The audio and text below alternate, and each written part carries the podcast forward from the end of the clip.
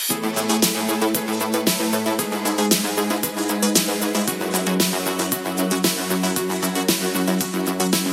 och välkommen till ytterligare ett avsnitt av Popmusiks podcast. Jag heter Johan Alexed och idag sitter jag i mitt vardagsrum tillsammans med Sara Jasmin. Välkommen hit! Jo, tack. Hur är läget en dag som denna? Jo, men det är fin, fint. Det, ja, det har inte varit så mycket sol ute, men det är mycket sol i mig. Ja, det verkligen strålar Ja. som den sol du är. Ja. Ja, nej, men det har verkligen varit så de här senaste dagarna. Man har gått kring och känt att det är bara grått och det är bara tråkigt och nu får det gärna bli sommar, typ imorgon. Jag håller verkligen. Men du har ju ändå flyttat till typ lite grann regnets huvudstad, Göteborg, ifrån Dalarna. Det stämmer bra där. Ja, vad, eh, vad fick dig att flytta hit? Ehm, jo, men jag eh, var ju ganska gediget eh, både Håkan Hellström och Broder Daniel-fan när jag var i tonåren. Så. Och, eh, så då, men då hängde jag ju mycket på nätet för att kunna liksom connecta med andra som också gillade Håkan och BD och sådär. Och då var det ju en stor del av dem som man snackade med online som bodde i Göteborg. Så jag åkte hit på konserter och så lärde jag känna andra fans på de här forumen och jag insåg att jag gillade Göteborg. Så. Ah, så det var inte bara Håkan och Nej, Broder Daniel? nej, jag, nej, jag gillar verkligen Göteborg som stad också. Ja. Så. Har du haft någon sån favoritspelning med någon av dem som du bara, oh det här var ett magiskt ögonblick? Alltså jag var ju sådär jobbig när jag var yngre. Jag åkte ju på alla spelningar du vet och köade hur som helst och sådär. Så eh, det är många men eh, jag minns en spelning med Håkan på Nalen i Stockholm. Eh, och det kan ha varit kanske 2003, 2004. Eh, det var bara så, jag tyckte jag har sagt det här förut i någon intervju att jag gillar det när det, blir, när det är litet och intimt sådär. Och det kändes verkligen som att den Nalen-spelningen var, eh, var på det sättet liksom. Man kom nära Håkan och det var så här, bandet var glatt och det var intimt och sådär. Så. Vem var det som kom först om man säger eh, Håkan eller Broder Daniel? Och det här kommer vi komma in på när vi ska prata om Ja. musik sen. Ja. Men det var Broder Daniel, tror jag faktiskt. Ja, ah, okej. Jag minns inte. Nej, jag vet, nej, vänta. nej, vänta. Så här började det. Jag var på kalasturnén om du kommer ihåg den. Ja, ja. Och då såg jag Håkan Winnerbäck, Marit Bergman och The Ark tror jag det var. Så det var Håkan som kom först. Okej. Och så upptäckte jag Broder Daniel via Håkan tror jag. Ja, nej, men det, ja. Mm, det stämmer. Jag lyckades ju se Broder Daniel på en spelning på Underground, kompaniet heter det väl, eh, i Göteborg. 95? Åh, vad nice. Jag tyckte det var jättedåligt så vi gick. Men, Okej, okej. nej, men, men jag kan tänka mig att det, det är lite grann en sån spelning som jag vet att många har som en sån där The Holy Grail-spelning. Att, för jag var inte något jättestort fan av dem då. Jag har, har väl omvärderat det lite grann på vägen. Men, men, Ja. men det var lite kul att ändå veta om att jag var där. Ja, men såklart. När de körde Luke Skywalker och, och Coolt. var helt röjade på Var det scenen. 93 sa du? 95. Okej, då var jag fem år så då, Ja, då- då var jag inte här. jag var någon annanstans. Men, men hur var det att växa upp i Dalarna? Jo, men det var... Jag minns det som en ganska... Ja, men en eh, mild tid på många sätt. Och... eh, Nej, men det var väl ganska, vad ska man säga, lagom.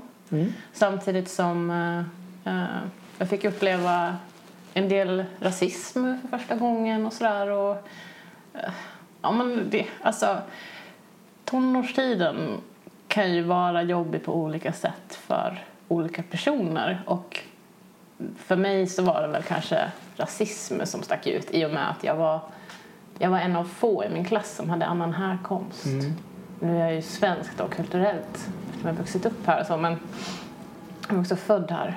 Men på det sättet så kunde jag väl bli arg. Du vet, jag reagerar med ilska och sådär.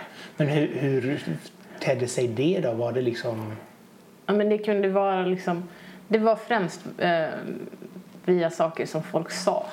Eh, både vuxna och barn eh, som fick en att liksom...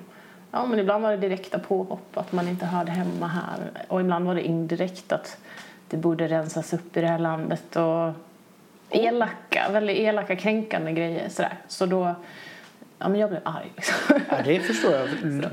Och det känns ju så meningslöst att säga det till en tonåring. Alltså, Visst, det triggar väl kan jag väl tänka. Men samtidigt så vad, vad är man själv för människa om man Ja. säger sådana grejer? liksom? Ja, verkligen så. Men jag har liksom, jag har förlåtit eh, dem och kommit över det så. Men, ehm, men ja, det är väl någonting som sticker ut kanske från min tid i min uppväxt där. Eh, men sen hade jag också, jag vet inte, eftersom det var en ganska liten ort och sådär så jag blev väldigt kreativ av att jag kände mig understimulerad. Ah. ja. Så det slutade med att jag åkte runt på så här konserter och festivaler runt om i landet och lärde känna folk som bodde i andra städer istället. Så, så på så sätt så blev det också bra. Fast alltså, Dalarna är ju ändå ganska bra musikfestivalsområde. Mm. Med Pisenalv och även eh, vad heter det? Arvika-festivalen var Mm. ute också. Absolut. Men jag tycker att det har liksom eh, den eh, musikscenen och själva branschen och hur, den, hur det jobbas aktivt med musik. Det har liksom förbättrats och blivit riktigt starkt senaste åren tycker jag. Eller i alla fall utifrån min upplevelse. Så. Just i, just i Dalarna eller överlag? Ja, alltså det kommer ju väldigt många bra akter från Dalarna som eh, Mando Diao och Miss Li och ja, men många liksom. Eh, men i och med att eh, Dala Pop finns nu, jag vet inte om du känner till Ja, just det. Ja, ja. det produktionscentrumet Mm. eh, så känns det som att det finns en, det är en helt annan plattform när man kanske till och med stannar kvar i Dalarna och vill hålla på där liksom, nu för tiden. Och samtidigt så är det ju så att det är ju inte jättelångt ifrån vart du än bor i Dalarna om du ska till till exempel Stockholm och göra en spelning. Eller Göteborg för den delen heller. Ja. Så det gör ju också att man är inte låst Nej. mm, om man sitter där uppe och bara oh, nej jag kan inte komma ut med min musik för det är bara Precis. att ladda upp det och så är det ute liksom. Precis, det stämmer verkligen. Och det finns ju en helt, eh, helt andra möjligheter att göra musik nu. Liksom. Man kan bo lite vart som helst faktiskt. Så. Men jag tänker om man vill spela mycket och så eh, så kanske det finns fler livescener i Göteborg, Stockholm och, ja, och så. Och då kanske man på ett naturligt sätt flyttar. Ja, jo. Så, men jag vill verkligen inte säga att man ska flytta från Dalarna. Det är inte det jag vill säga, för jag älskar Dalarna. så mm, jag är stolt över Dalarna. Ja men det ska man vara. Man ska alltid vara stolt över sitt heritage som det heter. Mm. Alltså, för man kan ju, för- först och främst kan man inte ändra på det och för det andra så får man göra så gott man kan. Samtidigt så tror jag nog det känns som att man blir lite mer så här lokalpatriotisk ju äldre man blir. Mm. Det känner jag själv. Liksom bara så här, jag är från en liten ort uppe i Bohuslän och bara åh Bohuslän är bra. Ja. Och då blir man också så lite ja, pepp på att det ska gå bra och det ska gå framåt och så vidare i det området. Verkligen. Så att jag tror att man kan bli en bra, och som artist också då, bli en bra förespråkare för där man har varit. Liksom. Mm, jag håller med. Men, men eh, dina iranska rötter, hur kommer, är det båda föräldrarna eller är det en av de föräldrarna? Eller hur? Det är min kära far som kommer från Ja. Iran. Så han kom hit på 80-talet. Så han har väl bott större delen av sitt liv i Sverige också då. Ja, ja. Men, så. Men mamma är svensk och jag har varit lite i Iran också sådär. Och det är ett eh, färgstarkt land med, som, ja, som kanske inte är så högt ansett i mångas eh, ögon just nu. Men alltså, det är klart jag är stolt över mitt ursprung också. Liksom, så, Ja. så. Men vad gjorde ni där? Alltså, vad fick man se? Vad fick man uppleva?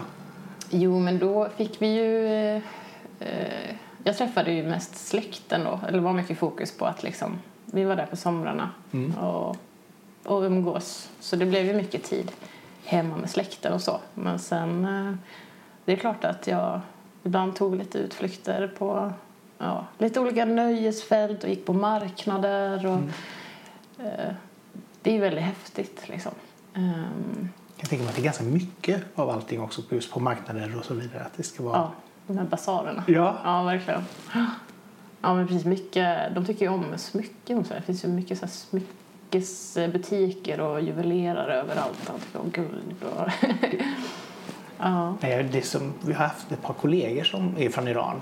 Eh, och det är så, de är så otroligt gästvänliga. Det ska bjudas på mycket, ska lagas mat, så ska alla ha och så vidare. Det är så roligt att känna den liksom, alltså det är så mycket kärlek. ja, verkligen. Det tycker jag är väldigt fint. Ja, men det är fint. Den heter ju den heter Tarof, den sedeln, artighetssedeln. Att när det kommer hem någon till dig då ska allt på, fram på bordet. Allt du har i liksom alla, i hela skafferiet och du ska liksom bjuda på allt du har. Och men det är fint, det är väldigt speciellt. Det är typiskt persiskt liksom. Ja, men det känns ju också som en ganska bra inställning ändå. Liksom, att, alltså, Yes. Du ska vara välkommen. Ja. Här sitter jag och bjuder på en kopp kaffe bara. Men förlåt. ja, men det smakar jävligt gott där kanske. Jag är nöjd. Eh, vi, kan börja lite, vi kan kolla lite grann på musiken. När kände du själv att musiken blev ditt kall? Mm, det har utvecklats till att bli musik. Det började med text. Okej. Ehm, Jag skrev mycket. Och jag tror att min första minne från det är att jag förstod att jag tyckte om det här kreativa i skrivande. Det var när jag fyllde år, gång jag var 8-9. Och, och mamma frågade mig vad jag ville ha i födelsedagspresent då. Och så kom jag fram till då att jag ville ha ett etui med två pennor för jag skulle skriva en bok. så, och jag fick ju en liten ask då med två pennor, en bläckpenna och en mm, stiftpenna. Kunde jag välja då om jag skulle skriva i bläck eller stift Mm. med blyerts. Ehm, så jag skrev, och det kommer också komma in på när vi pratar om musik sen då. Jag skrev eh, dikt och ja, essäer och noveller och allt möjligt. Så det har liksom, och sen har det bara gått vidare till Ja. att bli musik. Så jag skrev lite journalistiskt ett tag också ehm, för Dalarnas Tidningar. Aha. Och det tyckte jag var skitkul också. Ehm, Men jag har fastnat vid musiken av någon anledning. Jag har haft en musikalisk uppväxt också så det är inte så konstigt. Men, men det blev musik. Blev det. På, på vilket sätt var musikalisk upp- uppväxt? Har dina föräldrar spelat instrument? eller? Ja, det är min mamma. Ah. Eh, mamma är väldigt musikalisk. Och eh, hon, hon tror inte själv, eller hon förstår inte själv. Att hon, men hon är ju liksom musiken för mig, ur musiken. Ah. hon har alltid sjungit mycket med oss. Och, ja, hon bara utstrålar så mycket musik min mamma. Hon gick musik i gymnasium själv. Så, och min morfar då, som tyvärr inte lever idag, men han eh, och jag hann inte träffa honom heller för han dog före jag var född. Men han var en bohem som spelade runt på café och sånt i Borlänge Trevligt. där de bodde och sådär. Så det är verkligen liksom så här i blodet? Ja, det tror jag. Det skulle jag nog säga. Lite grann i alla fall. Mormor är en jävel på dragspel också. Härligt. Ja, men det är ju härligt att det ändå finns, att man, man hittar liksom så här kopplingen även i släkten. Liksom. ja. Ja. Men vi kan gå igenom lite grann då om, om dina, jag bara listar de här fem musikaliska influenserna Mm. Ja, men under just- åren. ja. Så kan vi se vad, vad du har skrivit upp och vad, Mm. vad du ska säga om dem. Ja, men vi kan väl börja. Jag tänkte att jag kan ju lika gärna ta det i kronologisk ordning då. Ja. Eh, alltså jag älskar ju musik så eh, det här är liksom ett axplock av musik som har betytt eh, saker för mig för att det är, ja, men det är så förknippat med den tiden på något sätt. Och sen, men sen finns det ju massor av låtar som har betytt eh, saker för mig på olika sätt. Sådär. Men vi kan börja då med faktiskt Bror Daniel som, som vi pratade om nyss. Eh, och den, eh, den är väldigt den släpptes i eh, den här låten då, When We Were Winning. Det var den som jag fastnade för eh, först med Broder Daniel just. Och eh, men har du sett det omslaget till den singeln? Inte singeln kommer jag inte ihåg. Eller det har jag Nej. säkert gjort men jag kan inte Det är liksom ett, en brinnande, ett brinnande BD-logga typ. Ah, just det. Ja. Mm. Den. Ja. Och bara den, eh, det omslaget bara gjorde att jag fastnade på en gång. Eh, i- kombination med att jag lyssnade på låten då. Men eh, jag var 13 år 2003. Du tycker jag är skitliten nu sagt. Men eh, jag hade precis börjat åttan. Och eh, jag hade varit på kalasturnén på sommaren innan. Eller ja, sommaren som var precis. Och jag blev kär i en klasskompis kommer jag ihåg. Som spelade gitarr. Ah, Och var det för gitarren eller var det för honom? Ja, det var en mix där också. Med gitarrkillar liksom. Det, Ja. ja, det, var, det var stort. Så, men eh, ja. Så att den låten blir koppling till, både till liksom Bror Daniel, turnén och den här killen. Då. Ja, men för den texten handlar ju mycket om ton, tonår och liksom Mm. eh, jag antar att det är Henrik som har skrivit den här, jag vet inte. Men han blickar ju mycket tillbaks till sina egna tonår, deras tonår liksom. Och de härjade runt på, på stan och de var kungar liksom. Och eh, det var väl på något sätt, det är ju en hyllning till ungdomstiden och jag hade precis kommit in i mina egna brinnande tonår med känslor hit och du vet. Man hade ju inte koll på någonting egentligen. Men man tyckte ju liksom att det var så nytt och spännande och häftigt allting och bli förälskad och så det var, ja, det var en fin låt på det sättet. Jag vet ju att det är många, jag är ju 74 så att det är ju många i min åldersgrupp som var med eh, när Brodan kom. I och med att vi är jämngamla typ. Eh, och det gjorde ju också att väldigt många som relaterade till den musiken för att det var den musiken som spelades mycket då. Och det är samtidigt ganska charmigt hur nästa generation, eller nästa generation också känner liksom koppling till just den ungdomsromantiseringen som Broder Daniel gjorde även då. Liksom. Ja, visst. Mm. Så det är, det är kul att vi kan leva vidare på det sättet. Ja, verkligen. Så Broder Daniel, första. Mm, ja, men, och jag förstod väl då också att så här, jag kunde börja experimentera lite med mitt utseende. Jag fattade ju att hela Broder Daniel-grejen handlade om det var pop liksom. Man Ja. poppade, man hade stjärnor runt ögonen och man hade lite hatt kanske om man ville, prickar, kjolar och liksom randiga tröjor och sådär. Så, så då började jag testa med, med det liksom. Att sticka ut lite på det sättet. För, och det kanske hänger ihop lite med den här rasismen. Inte att jag var superutsatt liksom. Men jag hade ändå blivit väldigt provocerad över de kommentarer jag hade hört liksom, och fått. Då tänkte jag så här att om ni vill ha mig som annorlunda eller se mig som annorlunda då tänker jag sticka ut så att det syns också. Liksom. Ah. Jag tror att det blir en sån här liten motreaktion som man kan gå in i. Ja.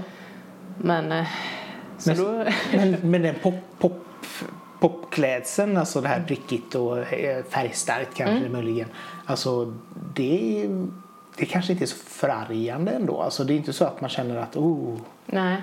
sådär. Utan man, jag skulle bli glad om någon kom med en stor prickig kjol. Ja, liksom. och det blev verkligen jag också. Men om man tar liksom den sko- högstadieskolan jag gick på sådär, så fick man ju ändå en kommentar typ att här, man hade en bad hair day eller liksom. Så det var ju ändå, det var ju ändå inte bra liksom. Men det, ja jag vet inte, jag blev väl provocerad men fortsatte ju ändå för att jag tyckte att så här, okej du tycker det är jobbigt att jag ser ut på mitt vis men det skiter väl jag i. För det är faktiskt ditt problem. ja. ja, precis. Ja. Ja, tragiskt ändå.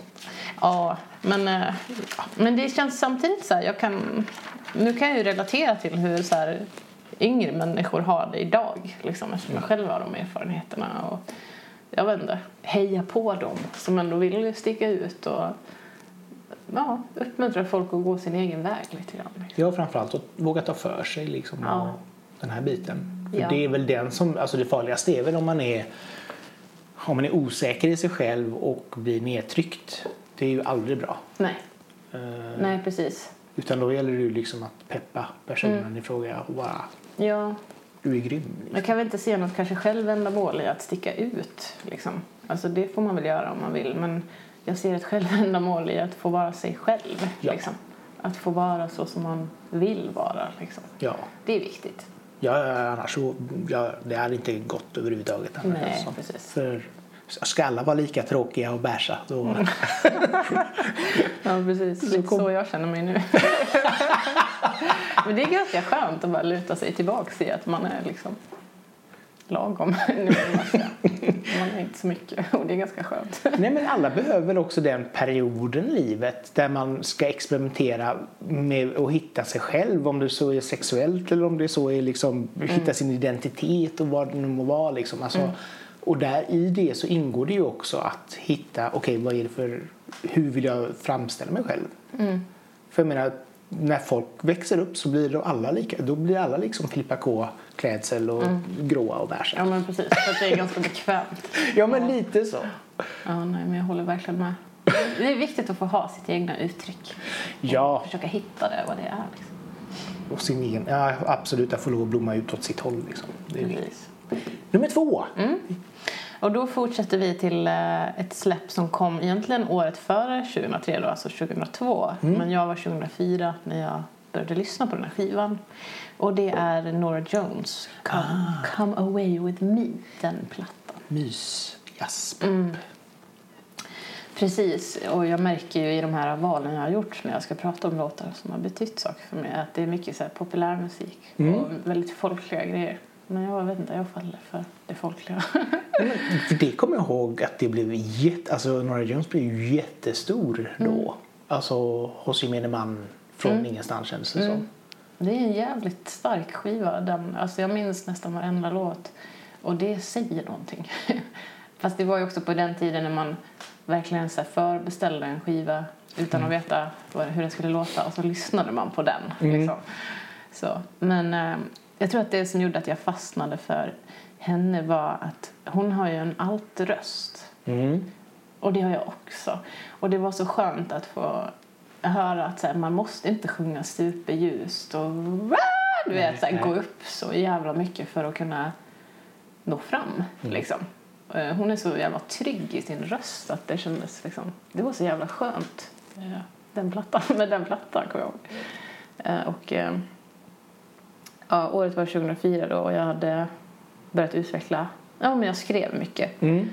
Och då tyckte jag om att sitta på kaféer med Norah Jones i öronen och skriva dikter och noveller. Och, ja. ja, Hur mycket skrev du? Liksom? Skrev du varje dag? jag skrev varje dag och jag var så nördig att jag, jag brukade lämna in mina eh, personliga texter till min svenska lärare efter lektionstid.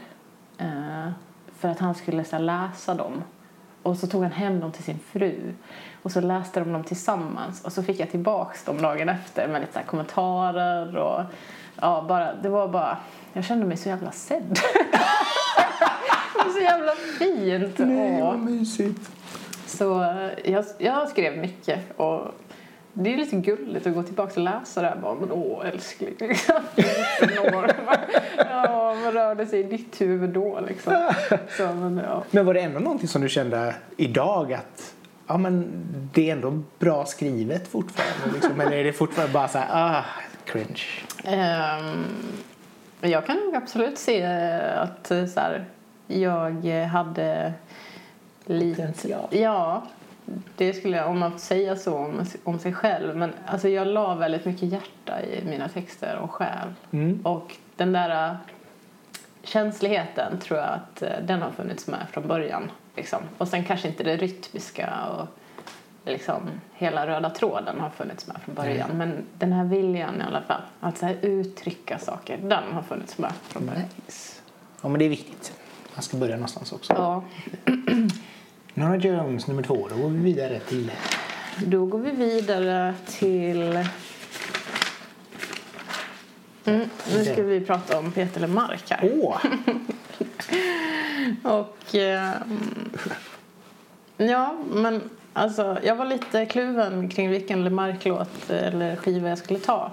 För att han är liksom eh, genomgående, har funnits med i hela min uppväxt eftersom min morsa älskar Peters musik och har köpt varenda skiva.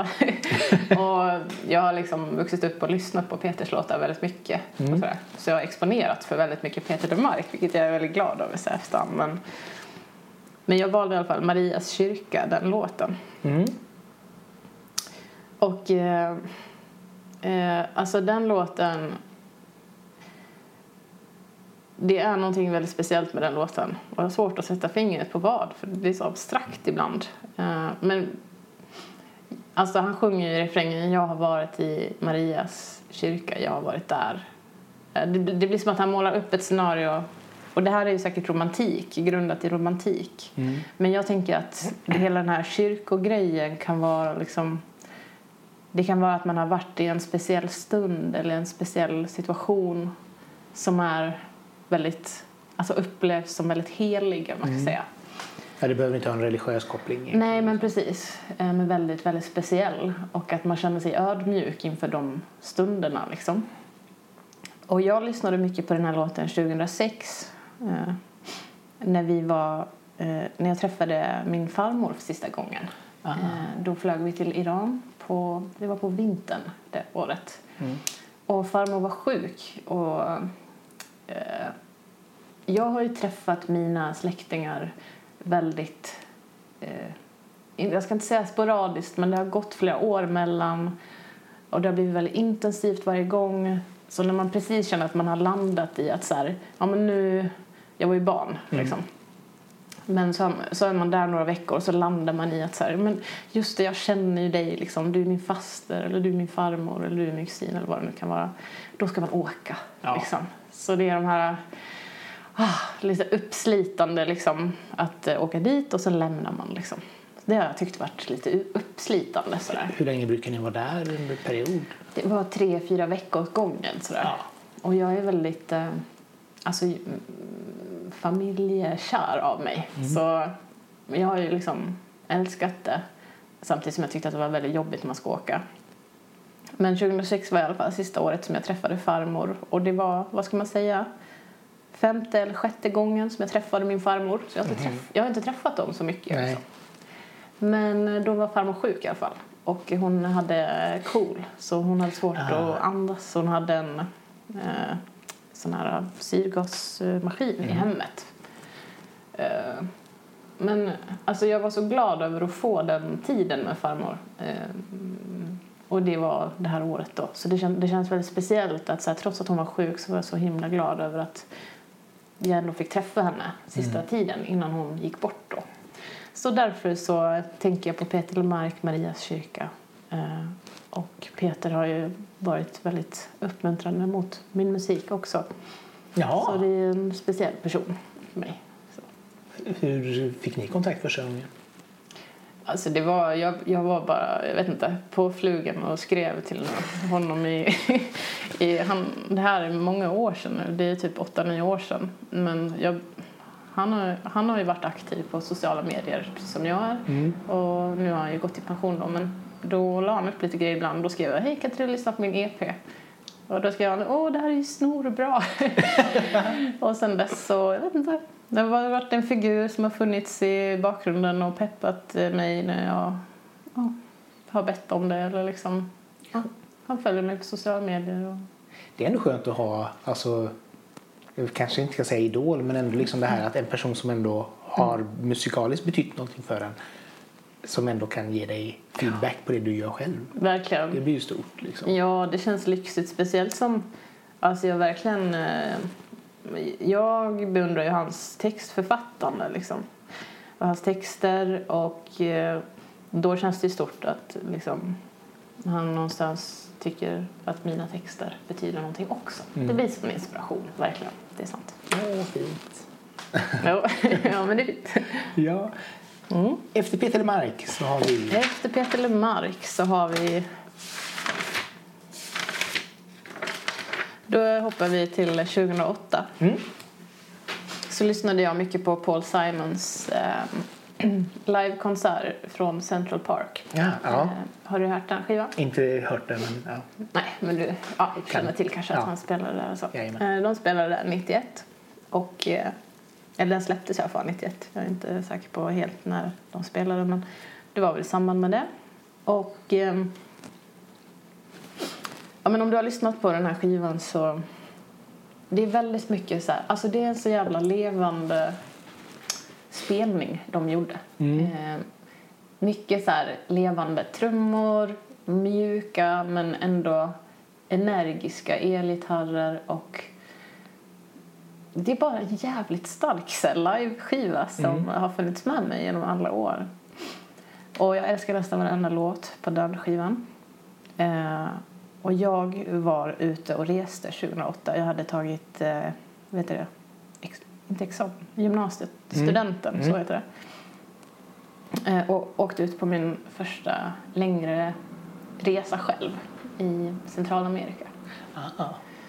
Så, och jag hade ganska mycket social ångest på den här tiden. Eh, ut, men det syntes nog inte på mig. Men jag hade... Jag längtade efter att träffa nya människor och andra människor men jag tyckte att det var så jävla jobbigt. Oj, så... Mm, ja, men... spännande kombination. Ja, det är en helt sjuk kombination. Men ändå skönt att du tog steget och gjorde det. Ja, För det kan ju vara så att man kanske låser sig och inte vill. ja. Nej, jag vågar inte. Man gör ingenting alls. Nej. istället. Ja, precis. Ja, men precis. Jag kämpade verkligen med det så jag gjorde det ändå. Liksom. Sen kan jag väl känna i efterhand så ah, jag kanske skulle väntat något år till. Men jag är ändå glad att jag åkte. Mm. Och så åkte mycket, jag åkte ju ensam till Mexiko och var där eh, själv. Oj. Och det är också så här, jag, var så jävla kaxig. Ja, det. Och jag fattar ju nu i efterhand att mina föräldrar blev liksom "Ah, Mexiko, 18 år.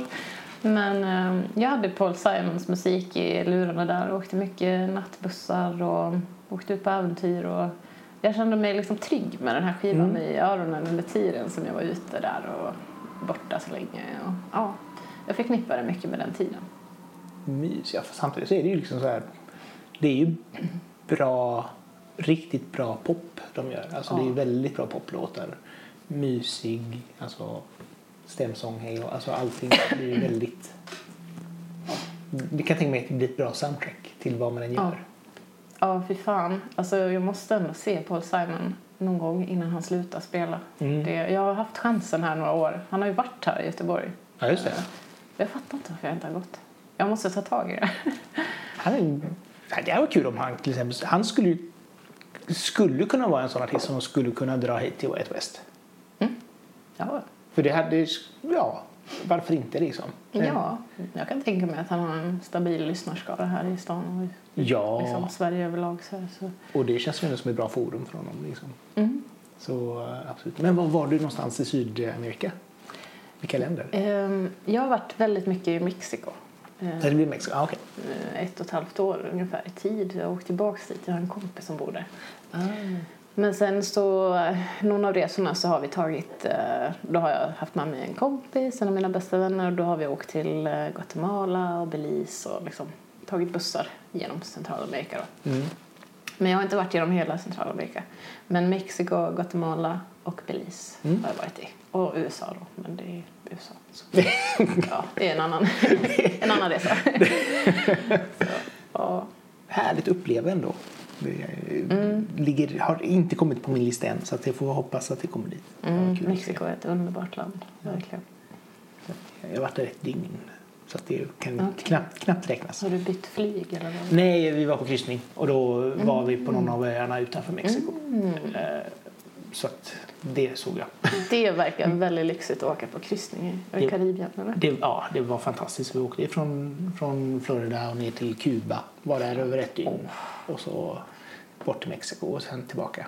Nice. Så riktigt Alltså Kuba var fantastiskt. Oh, det kan jag tänka mig. Ja, alltså också liksom så här mycket själ och, och hjärta i Mm. den staden. Mycket salsa ute på Ja. restaurangerna säkert. Och Så- mycket live. Ja, så att det är absolut. Då har vi nästa steg. Nästa. Då är det sista. Det är det sista. Ja. Ja. Ja. men det är det. Då ska vi runda av med eh, Veronica Maggio. Jaha! Och då är vi inne på 2011. Mm. Och eh, eh, här är jag eh, 21 år. Och jag har... Eh, mm, jag har ju slut med en kille som jag var väldigt kär i. Men vi eh, ja, började gå åt olika håll i livet och sådär. Så mm, det funkade inte att vara tillsammans längre. Så då blev jag superdeppig. Det var 2010 då, det var året före. Jag gick ner väldigt mycket i vikt och jag var tvungen att hitta min första egna lägenhet. Och det var liksom en sån här livs, klassisk livskris när man undrar så här, vem är jag, vad ska det bli av mig nu? Nu ska jag, måste jag börja leva själv på ett så här, vad, vad vill jag i livet? Eh, så, men eh, jag hämtade mig och eh, så fick jag ett eh, jobb på ett lager. Jag jobbade på lagret. Jag köpte min första egna bil. Jag jobbade i skolan som lärarvikarie. Och jag... Jag vet inte, jag kände mig så jävla snygg vid den tiden. Jag var 21 år och tyckte att jag var... jag tyckte att jag var så snygg. Åh, jag skäms när jag tänker på det här. Men jag var, jag var verkligen... Jag kände mig på topp. Ja. Och så släpps Veronica Maggios låt Jag kommer där i Ah, eh, februari 2011. Och den här låten är ju väldigt... ehm, ja men det är en jävla sexuell låt alltså. det ja, bara titeln liksom. Men också, det är så jävla... Hela rytmen är, arret är, det är liksom kort, det är ettrigt, det är pumpande, det är liksom... Det är så självklart. Och jag kände mig så självklar. så det blev liksom ett soundtrack där i 21-åriga Saras eh, lilla liv där. När du skulle borsta av dig spillrorna ifrån förhållandet och bara... Mm, precis. Så Nu jag, jävlar jag dejtade så in i helvete och jag bara levde loppan där. Det, jag tyckte det var skoj att leva då. så ja. Mm. Nej, men så kommer jag ihåg att precis före jag köpte bilen också då Ja. eh, så hade jag en cykel. Och jag cyklade precis överallt och jag cyklade på vintern också. Jag hade så jävla mycket energi så jag, liksom, jag var aldrig still nästan. Och jag cyklade på vintern men jag hade inga dubbdäck. Ah. Eh, Så jag flög omkull hela tiden på den jävla cykeln. Och ja, jag vet inte, det var bara, det var så mycket energi i hela mig. Så jag förknippar den här låten väldigt eh, mycket med, liksom, jag bara rest mig upp och borstade av knäna och så fortsatte jag. Det är en bra sån gymlåt kom jag på då när den kom. För, alltså man, det är bra pump Ja, i men den och man blir så här oh, pepp och glad Ja, och hej och liksom. Mm, ja, men det är bra takt på den. Ja, och så också som säger, jag cyklade också väldigt mycket, eller fortfarande. Men just det här, jag hade dubbdäck dock. Bra sak. Det Man kunde liksom bara, det var som att gå på vatten. Man kunde bara, Ja, ja, men jag kan tänka mig det. Men skönt att slippa det här livshotande också på något sätt. Ja, ja, det var några vurpor i och för sig. Ja, Just det här för nysnön liksom. Och Ja. så isen under det. Och så Yes. Ja, det är fan livsfarligt alltså. Det- Men, eh, men väldigt skönt sätt och, och att man slipper betala för busskort. Ja, den, eh, den. Ja, men det är bra för fattiga musiker också. Jag tänkte på det här. Mm. Ska jag skaffa mig cykel kanske? Cykel. Ja, men det, det är bra. Det är bra. Det är... Vi fortsätter med din musik. Mm. Eh, 2013, Jag brinner. Eh, jag kommer, jag brinner. Ja, just det. Inspirerad. Inspirerad Ja, kanske. ja. Men innan det så var det på engelska. Ja. Ja. Eh, vad fick dig att gå över till svenska? Ehm, men det var nog att det klingade bättre an med mig själv. Liksom. Eh, med tanke på hur jag började. Jag började skriva mycket dikt, eh, noveller och sånt. Sen, och sen skrev jag för tidningen. Mm. Så det, jag hade väl bättre självförtroende och mer känsla i det svenska språket. Och så fattade jag också att så här, ja, det är en större marknad om man eh, skriver på engelska. Men jag vill nog vara på den svenska marknaden. För jag vill vara här, jag vill spela här. Jag vill inte bara åka utomlands för att spela. Ehm, Kanske till Norge? Ja, kanske till Norge. Ja, precis. Ja, eller Danmark. Ja. Eh, ja, absolut. Så det var nog därför jag bytte. Jag bytte tillbaks till mig själv. Ja.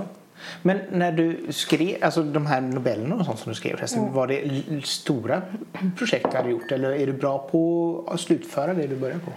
Eh, jag kommer ihåg att eh, nej, men det jag skrev på högstadiet, eh, det var då blev det lite så random publiceringar. Jag kommer ihåg att Lunarstorm valde ut en av mina texter som var lite mer åt det här. Det var en blandning av det här uh, skönlitterära och debattliknande nästan. Och så blev jag publicerad i deras hundra bästa jag vet inte om du kommer ihåg Lunarstorm, Ja. men de, ja, de hade sån här um, dagens text typ, eller dagens någonting. Eh, krönikeliknande lilla text. Och då var min som en feature en dag. Och då valde de ut de hundra bästa såna och så släppte de en bok. Nice. Så, så då blev jag publicerad i en sån. Men eh, annars har jag liksom inte, jag har inte eh, släppt någon diktbok eller liksom novellsamling eller så.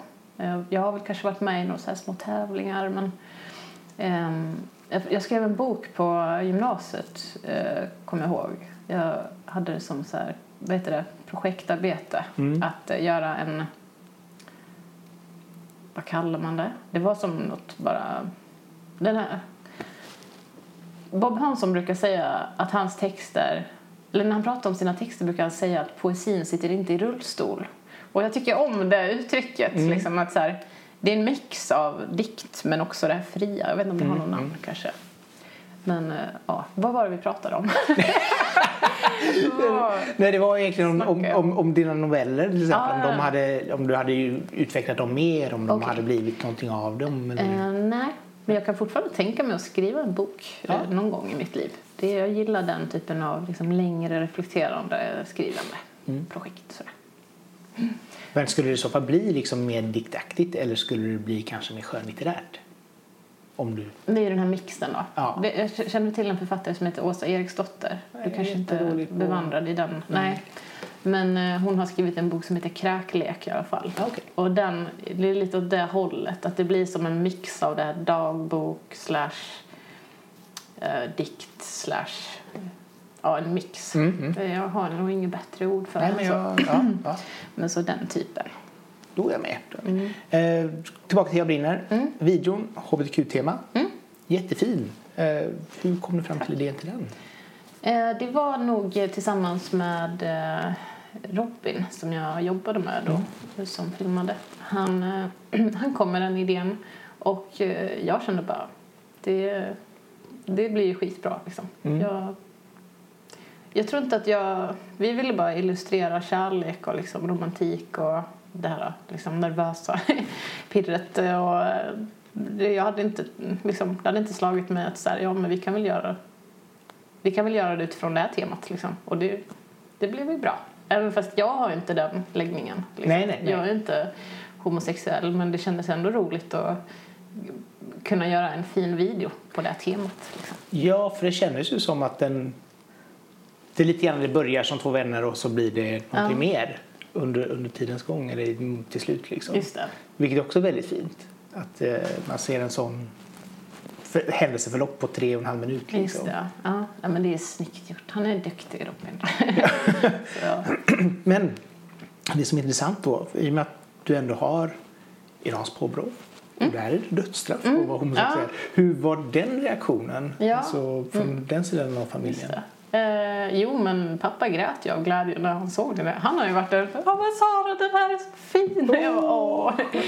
Eh, så det finns ju verkligen inga, inget sånt därifrån, liksom, från min farsa. Han är Nej, det det kan jag tänka mig. väldigt öppen som person och social och glad. Och, ehm, men ja, det slog väl mig, jag blev kanske lite rädd att så här, eh, eftersom jag tycker om att resa, jag tyckte om det och jag, jag hade även varit där själv två år innan Mm. Och rest dit så tänkte jag så här, nu kanske jag kommer få problem när jag åker in i landet nästa gång. Eh, för att det, videon blev också uppmärksammad av en persisk eh, journalist som numera bor i USA då.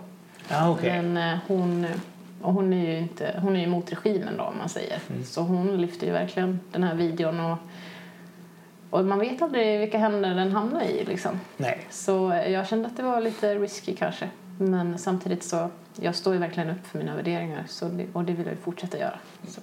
Ja, men det är fint. Alltså, men det, det var eh, en av de grejerna jag kom att tänka på när jag Mm. såg den. Liksom, att den kopplingen finns ju alltid någonstans i bakhuvudet. Liksom. Och som du säger, liksom, man kan alltid undra okej, vad, alltså, om, om den sprids till fel personer, vad händer då? Liksom? Eh, under tiden så har du också haft lite olika skivbolag eller du har getts ut av lite olika lablar och så vidare. Vilket, och nu ger du ut dig själv vad jag förstår. Ja. Eh, vilket också känns som en ganska typisk artistväg för 10-talet. Man börjar kanske själv och så får man lite hjälp och sen så bara, nej jag gör det själv och så får man. Eh, hur, hur ser du själv på den här företagsresan som du som varumärke liksom, eh, under det här, de här tioårsperioden? Mm. Jag ser ju varje person jag har jobbat med som en eh, otrolig hjälp. Liksom. Det, har varit, eh, det har varit väldigt kul på alla sätt.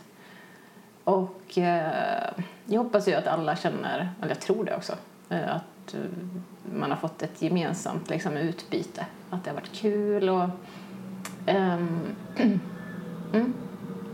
Ehm, men det, det allra lättaste utifrån hur jag tycker om att jobba är att göra det själv. Mm. Liksom. För att det är ju mycket redan med livet i allmänhet. Liksom. Och man måste ta det här skapandet när det finns utrymme till det. Och det blir nästan enklast att rodda det själv då. Liksom. Ja, för du producerar också själv. Jag, producerar, jag skriver, producerar, spelar in och fixar omslag och ja, samarbetar inför det här med liksom, marknadsföringen nu. Och det blir väldigt mycket jobb. liksom. Det är som att jag har fem heltidsjobb. Nej, inte riktigt så. Men, men, eh, och då får man portionera ut eh, liksom, så att det funkar med resten av livet. Och eh, eh, Det är ganska skönt att den enda som har kraven på mig då är jag själv. Liksom. För att det kan kännas lite stressigt annars. Liksom. Ja, det kan, det kan jag tänka mig. Liksom. Att, Men det är en balansgång där. är det också därför det har tagit tre år? Ja, det, det är en kombination av eh, att eh, det tar tid att skapa och jag gör mycket själv och eh, ibland går inte samarbeten precis som man har tänkt sig heller. Det, mm.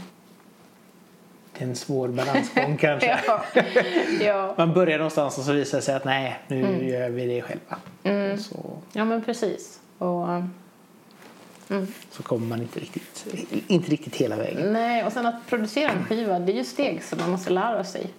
Ja, Ehm, dels hur man spelar in, hur man och komma på vad man vill ha för sound men sen också så här, utifrån soundet, hur ska jag porträttera det här? Liksom, vad, är det för, vad behövs det för känsla på omslaget? Jag tycker fortfarande att det är viktigt med ett omslag som ändå känns nice, liksom, som att det speglar innehållet. Och, och då blir det som att varje, och så ska man ha möten med liksom de som man gärna vill blanda in i projektet och ska det kännas bra, ska det funka, så ska man ha råd och så ska man liksom. Så det, det är nog därför det har tagit en del tid. Men jag, jag, jag lät det verkligen liksom ta den tid det skulle få ta och jag är väldigt glad över det i efterhand.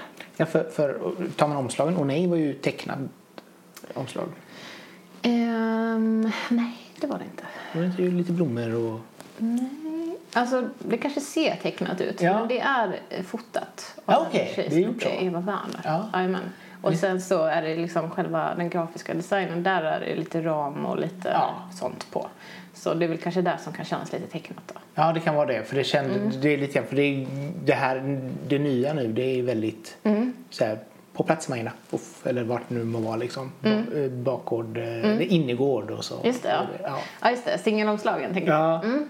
Jo, men precis. Då jobbade jag med en som heter Jakob Ekvall. Och han, eh, jag älskar Jakobs foton. Eh, eh, hans stil, liksom. Det är väldigt, väldigt så här, direkt. och ehm, eh, nej, men jag kände att nu... Jag vet inte. Jag känner att jag har haft ännu lite mer inflytande i vilken känsla jag vill förmedla. Mm. Hittills så när jag har haft projekt så har jag liksom jag har sagt så här, ja men det blir jättebra för att jag vill verkligen uppmuntra andra också till att få ha sitt kreativa uttryck och sådär. Och nu kände jag lite så här, ja men nu vill jag nog ändå ha en tanke bakom det hela också. Så att det har blivit lite mer av mig i så. Eh, Men omslaget som kommer till hela albumet sen eh, det kommer du förstå sen när det kommer ut. Men det, det ser inte riktigt ut som de här sing- singelomslagen. Nej. Men det kommer, du, du kommer förstå. Ja, Så, ja. Ja, spännande. Ehm, jo, du... eh, på... Uh, går tillbaka lite grann till Mm. förra skivan igen. Eh, du var ganska kritisk där till, till branschen överlag på Snubbar väljer snubbar. Just det. Berätta lite grann om den. Men jag kände väl att så här, det är ju samtidigt, ibland när man har sina så här yttre kamper, om man ska säga, så har man, har man en in, inre kamp också. Och jag hade väl dragits generellt med den här osäkerheten ifall jag var tillräcklig som musiker, ifall jag kunde skriva låtar, ifall jag kunde spela live, ifall jag kunde sköta teknik. Och det är väl typ eh, som ett samspel hela tiden att eh, dels hur normen är i allmänhet och liksom hur det ser ut, vad man får för bemötande men också hur man själv blir att agera. Alltså det är ett samspel liksom.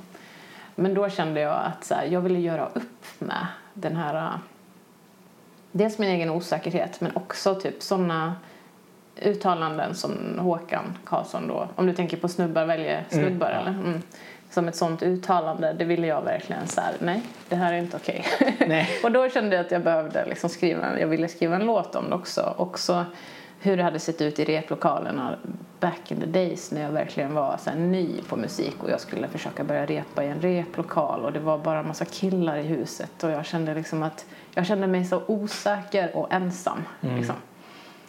Så, så gjorde jag den här låten och den släpptes och folk gillade den och nu är jag väl, jag känner mig glad och positiv nu för att dels när jag läser musikmagasin och liksom bloggar och ser på festivalscenerna så har det faktiskt jämnats ut de här skillnaderna. Ja, Ehm, det är mycket sen det har hänt 26. väldigt mycket. Och, men det tycker jag bara är skitcoolt. Liksom. Typ som häromdagen var jag inne och läste någon, jag vet inte om det var Popmani eller någon annan, um, något annat magasin eller någon blogg. Men då, då var det liksom veckans highlights och det var liksom, det var artist på artist som var kvinnlig. Det var liksom Alice Boman, det var Petra Mases, det var Underbara Ingenting och det var mass- alltså, jag tycker ni är så duktiga på att lyfta kvinnor nu för tiden. Liksom. Men samtidigt så känns det väl också som att under de senaste åren så är det väl kvinnorna som har varit intressanta. Ja, Alltså rent krasst. ja, jag håller med. Sara Klang. Ja. Alltså, det finns jättemycket bra musik som skrivs och produceras och framförs av kvinnor. ja. Så det, det är så jävla kul. Sen är det ju fortfarande en mix av allting. Men jag menar det är ju, kollar du på just i Sverige så tycker jag att det är kvinnorna som står ut Mm. mer idag än vad det någonsin har gjort. Liksom.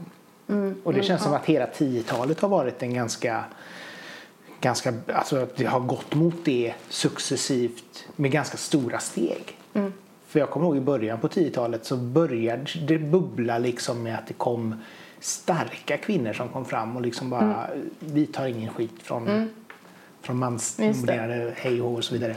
Har du något exempel?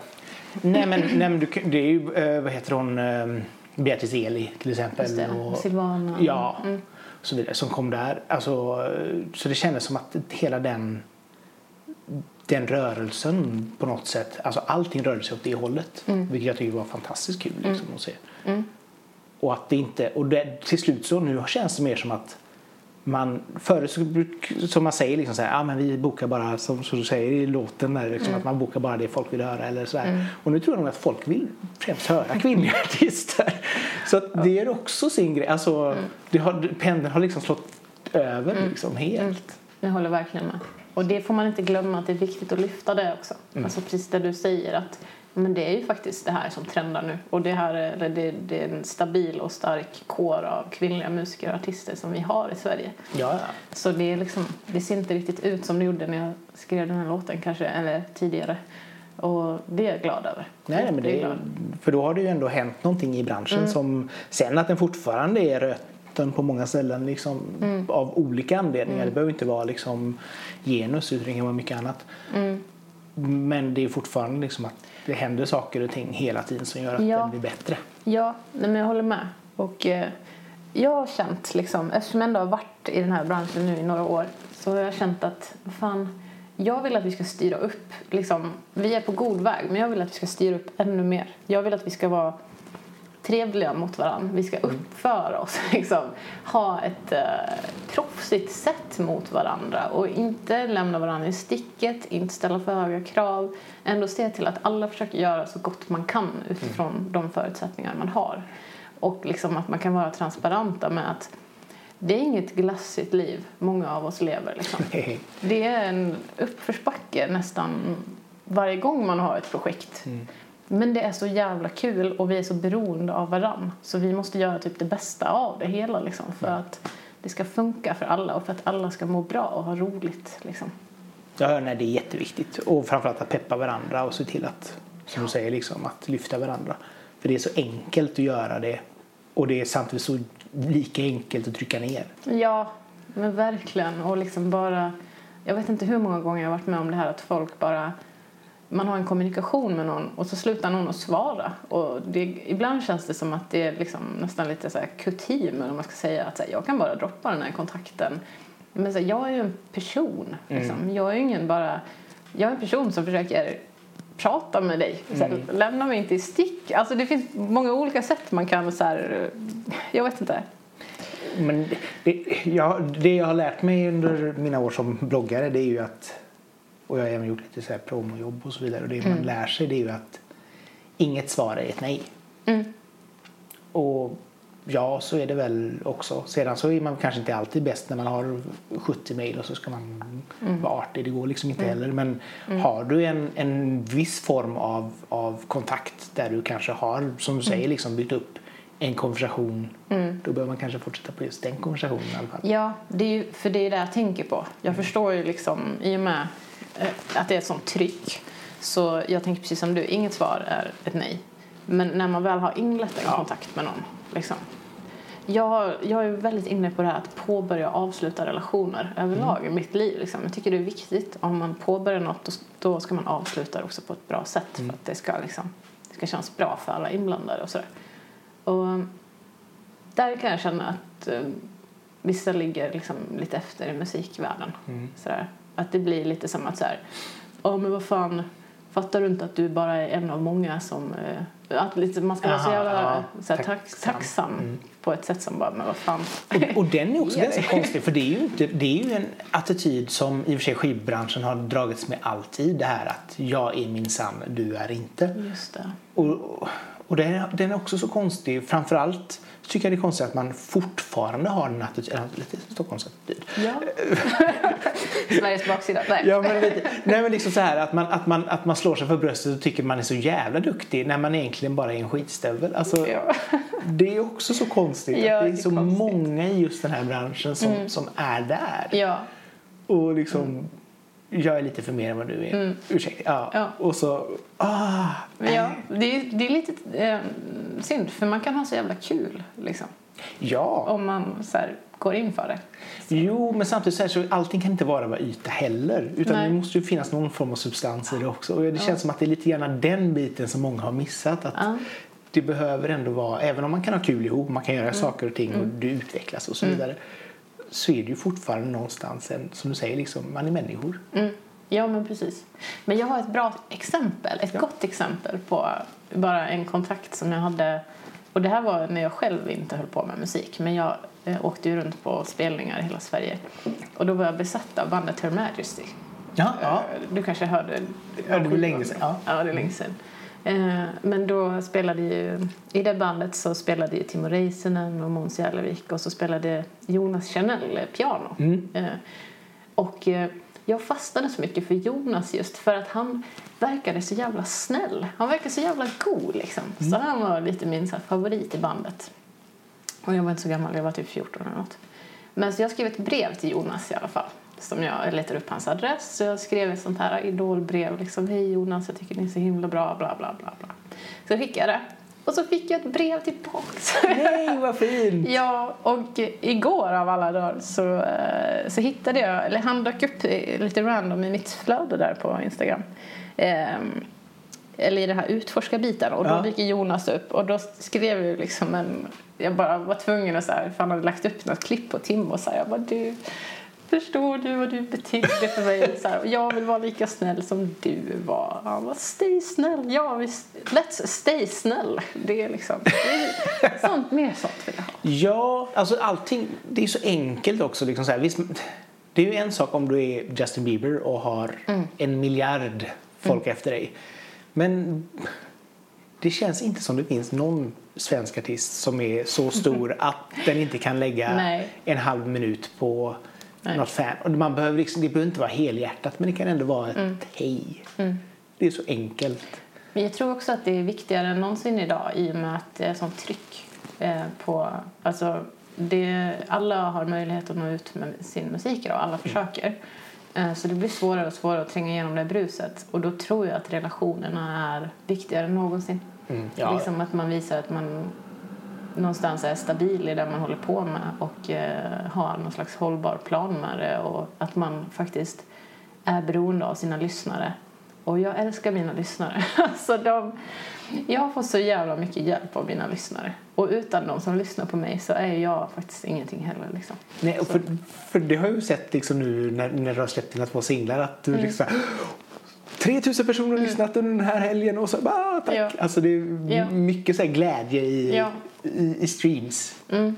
Men kan det bli lite gärna besatthet liksom att gå in och kolla hur många streams man har? Ja, eh, men det har jag lite överseende med mig själv eftersom man tjänar så otroligt lite pengar på det här. Eh, Och det kanske finns andra som försöker bygga upp en bild av att det är så jävla flashigt att vara artist, men det är det liksom inte. det är det verkligen inte. 0,035 Det är öre 0,0, per ja, ja. stream. Så liksom, den här streamingen nu som jag, alltså det som, det som går så himla bra med min streaming nu, det är min det är min reward eh, och eh, det kommer ju troligtvis inte generera mer pengar för mig än jag kan jobba ihop på något annat jobb.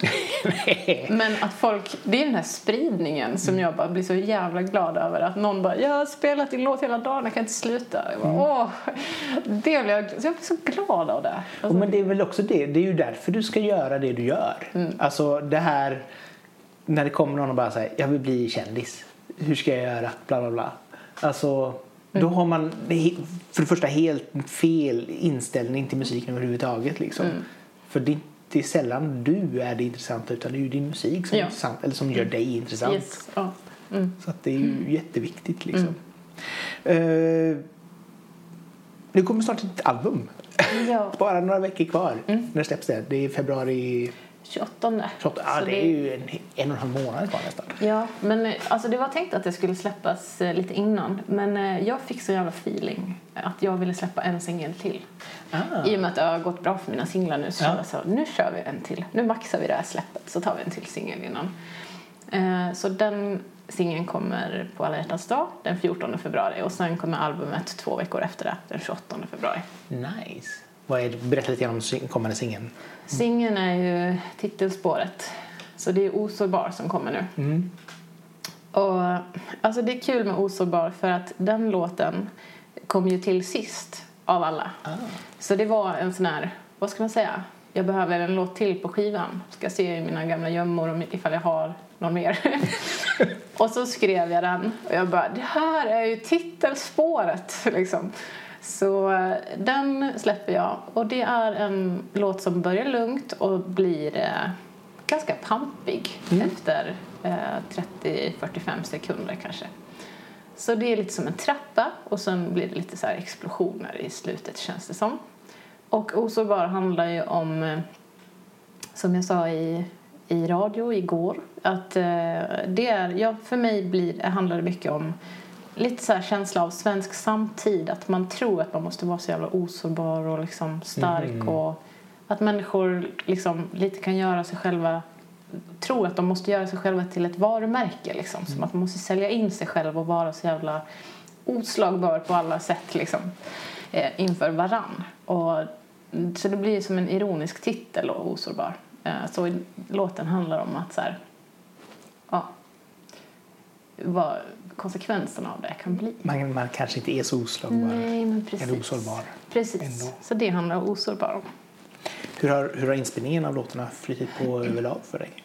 Mm, Det har varit en eh, ja, väldigt, eh, så här, inte, jag ska inte kalla det kaosartad process men, men inspelning för mig går ju inte riktigt till som det kanske och det kanske inte gör för andra heller. Eh, Men jag spelar in lite hemma och lite i en studio och sen lite i en annan studio så det blir som en process som pågår hela tiden. Liksom. Ja. Och, ehm, eh, så, det har varit en process eh, som har pågått osårbar sedan 2000, ja men i typ två år kanske, Mm. när jag började skriva den låten.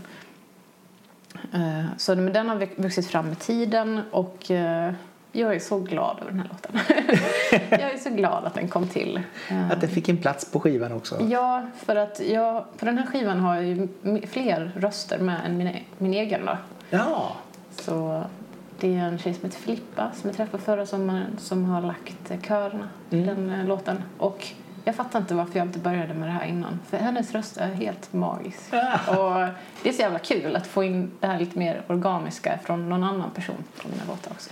Och framförallt, ja, som du säger också, att det blir lite dynamik i rösten. Ja, vilket verkligen. kan vara skönt liksom. Verkligen. Men hur, hur, hur eh, är det dina vänner du bollar med eller hur, hur gör du i och med att du, om du producerar upp saker och ting själv, skriver allting själv och så vidare. Hur, vilka bollplank har du? Mm. Ehm, en av mina bästa vänner, Viktor, han håller ju på också med musik då. Han har varit en riktig klippa. Jag har kunnat skicka små, ja men man gör små bouncer. Bara, vad tycker du om de här, den här liksom, trumkompet? Eller vad, vad tror du om den här gitarren? Eller liksom. Så har man kunnat få, just eftersom han är, men han är liksom så gediget musikkär. Han älskar att liksom, han har varit jättebra stöd, sådär feedback, bollplank och så här, ja men jag tycker du ska köpa det, det låter bra. Och ofta behöver man ju kanske bara det här att så här, ja, men jag är inte den enda som lyssnar på det här. Eller liksom bara så att man kan skicka det till någon eh, kan göra att man känner sig tryggare. Liksom. Eh, och sen så har jag ju jobbat med eh, en kille som heter Erik Wo som har stått för... Eh, alltså jag är med och mixar, men han är mer kompetent på, på frekvenser än jag är. Så, men han har också varit bra liksom, produktionsstöd. sådär. Att han har, ja, han har, jag kunnat bolla med honom också i studion. I och med att nu har du i och för sig skrivit, alltså, som sagt jag kom hem började skriva på redan 2016 läste jag. Eh, finns det ändå någon röd tråd genom skivan eller är det nedslag i, i sig liksom? Mm. Eh, Nej, ja. Jag kan säga kan man göra som- musikal av det? Ehm, ja, men det är väl gan- ganska mycket det här... Alltså, titelspåret är ironiskt osårbar. Och eh, i många av låtarna så framträder den här lite smått frustrerade liksom, desperationen. Eller som i Kom hem, liksom, den här... Fan, jag var inte osårbar. Liksom. Eh, och lite sorg och lite såna, såna tyngre känslor som man som människa kommer förr eller senare behöva hantera. Liksom. När verkligheten tränger på Ja, liksom. precis. Så den finns nog närvarande på olika sätt i, i de flesta spår, skulle jag säga. Ja, Okända land det är ju också som sagt var Ja. gå med någon man genom livets svåra Ja, perioder. men precis. Så det är, väl, det är väl det som är min röda tråd. Att så här, man tror att man måste vara osårbar, man märker att man inte är det. Och vad som händer sen. Liksom. Mm. Hur, hur ska jag göra nu? Jo, men jag får liksom vara ledsen, jag får ta hjälp av andra. Eller jag... ja. Man kanske förstår ja. när man lyssnar ja, nej, på men det, det är en bra sammanfattning. Liksom. vad, vad hoppas du om eh, våren överlag? Här nu? nu kommer skivan vara Eh, Jag hoppas att streamingen kommer hållas på typ samma nivå eller bättre. Det vore jättekul eftersom jag har jobbat länge med låtarna och att de får spridning. Jag hoppas att eh, människor kommer älska låtarna och att de kommer bli glada och att det kommer bli en skiva som kommer bli minnesvärd som folk vill plocka fram ofta. Och sen så Eh, Jag har inte liksom, jag har haft så fullt upp att jag inte har hunnit eller orkat ta tag i live-biten. Så jag säger bara, boka mig. jag vill spela live. Eh, Så vi ska ha en eh, releasefest faktiskt. En lite större releasefest på Firens eh, ölcafé. ah, här på Bengans. Ja, fredag den 6 mars. Och det blev bestämt igår. så kul. du är den första som får reda på det här typ. Men, så då hoppas jag att folk kommer att lyssna då också. Trevligt! Ja, då, det är ju som sagt var 50 meter härifrån så då kan man Mm. ju faktiskt ta sig tiden och gå dit Ja, och ta, lyssna och du är så ta, välkommen. ta en öl. Ja, verkligen. Ja. Underbart. Tack så jättemycket Sara för att du kom hit. Tack för att du ville prata med mig. Det var jättetrevligt. Ja, och tack till dig som har lyssnat. Det är som sagt var därför som vi gör det här. Och glöm inte att dela avsnittet vidare till alla dina vänner så att de upptäcker också den här fantastiska pratstunden över en kopp kaffe. Och följ gärna podden så att du får nästa avsnitt direkt ner i din mobil när den släpps. Och bli Patreon till Johan. Ja! Det är viktigt. ja! Ja. Eh, och från oss i Majorna så säger vi tack så mycket för idag och hej! Tack och hej.